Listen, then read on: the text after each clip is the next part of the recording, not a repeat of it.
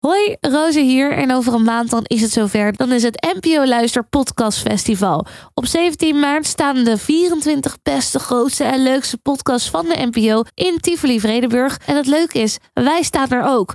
Dus koop nu je kaartjes via podcastfestival.npo.nl en dan zien we je daar. Dit is een podcast van NPO Luister en BNN Vara. Hey, alledaagse vragen. Volgende week ga ik op wintersport. Maar nu vroeg ik me af, hoe wordt eigenlijk de kleur van de piste bepaald? Alledaagse vragen. NPO Luister.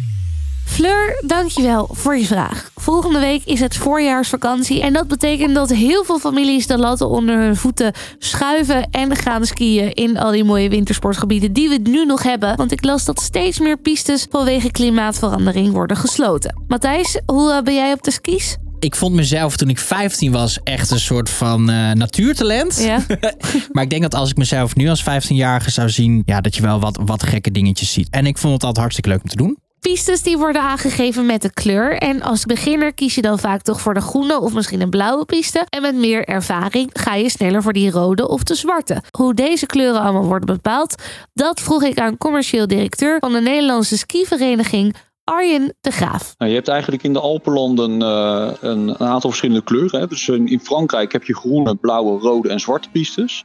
En in Zwitserland, Italië, Oostenrijk heb je blauwe, rode en zwarte pistes. Uh, maar dat wordt eigenlijk bepaald door de hellingsgraad op de hellingshoek. En die kan je in percentages uh, weergeven of in graden. Ja, een groene piste die zegt zeg maar ja, tussen de 3 en 9 procent. Is het moeilijk om snelheid te ontwikkelen, dus ideaal voor, voor beginners. En zwarte pistes Um, ja, vanaf pak een beetje 24 procent. En daar zit wel een groot uh, marge ook in. Want er zijn zwarte pistes die uh, veel steiler zijn dan dat. Dus die kleur die wordt dus bepaald door de hellingsgraad of hellingshoek. En dat is heel makkelijk te meten.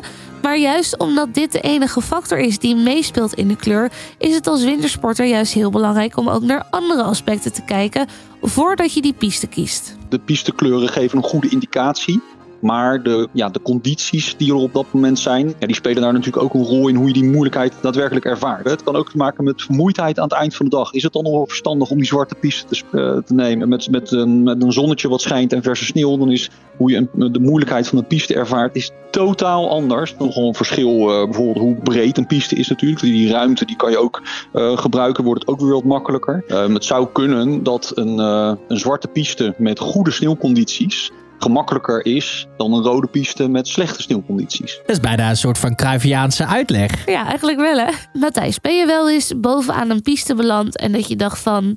Hoe ga ik in hemelsnaam deze piste afkomen? Nou, ik heb, ik heb wel eens gehad dat ik dan dus een piste... Dat ik dacht, oké, hier gaan we. En dat ik dan wel 20 meter later dacht: oké, ik vind het echt fucking eng. Wat moet je dan doen? Wat ga je doen als dit gebeurt? Ja, uh, vooral blijf rustig. En als het echt niet gaat, bel de pistedienst en laat je ophalen. Voel misschien als verliezen. het doet misschien wat met je, ja, je eer, zeg maar, binnen een vriendengroep bijvoorbeeld. Maar het is nog vervelender als je uh, ja, als je, je blesseert. En daardoor wellicht jezelf, maar misschien ook anderen op de piste in gevaar brengt. Ja, zet je eer opzij. Ja, ik dacht altijd dat de pistedienst echt alleen maar uitrukt uh, op momenten dat je iets gebroken had. Maar dit is best wel een eye-opener. Je kan ze dus ook gewoon bellen op het moment dat je iets eng vindt. Ja, dus als jij denkt dat je een gevaar bent voor jezelf of voor de mensen om je heen op de piste, ja. dan is het inderdaad wel beter om die pistedienst te bellen. Want dan hoeven zij ook niet meer uit te rukken voor mensen die echt last hebben van iets. Ja, ik, ben, ik, ben, ik zit gewoon te denken, ik ben heel vaak een gevaar voor mezelf. Maar dat is een hele andere uh, vragen. Als je het mij vraagt, is de ideale piste dus een rode. Het zonnetje schijnt, er ligt verse sneeuw. En nu ben ik natuurlijk een amateur wintersporter. Hoe zit dat eigenlijk met de professionals? Zijn wedstrijdpistes altijd zwart?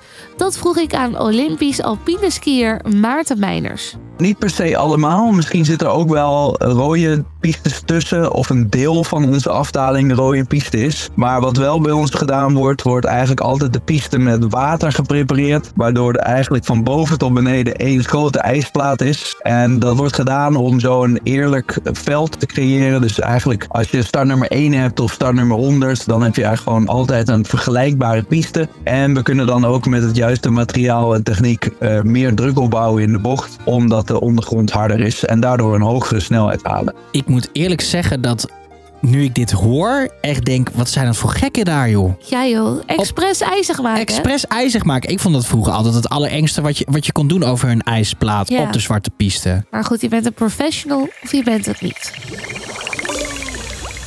Dus Fleur, het antwoord op de vraag hoe wordt de kleur van een piste bepaald is heel simpel.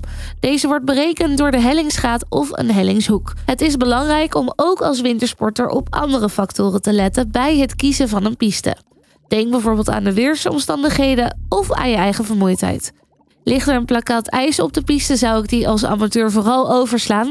Maar voor professionals is dit juist de perfecte conditie. Heb jij nou ook een vraag aan ons, aan Alledaagse Vragen? Stuur die vraag dan in een DM eh, op onze socials. Bijvoorbeeld op TikTok, op Instagram. Daar heten we Alledaagse Vragen. Maar je kan ook gewoon een mail sturen naar Alledaagse Vragen. En dan zoeken we het gewoon voor je uit. Alledaagse vragen. NPO Luister. BNN Vara.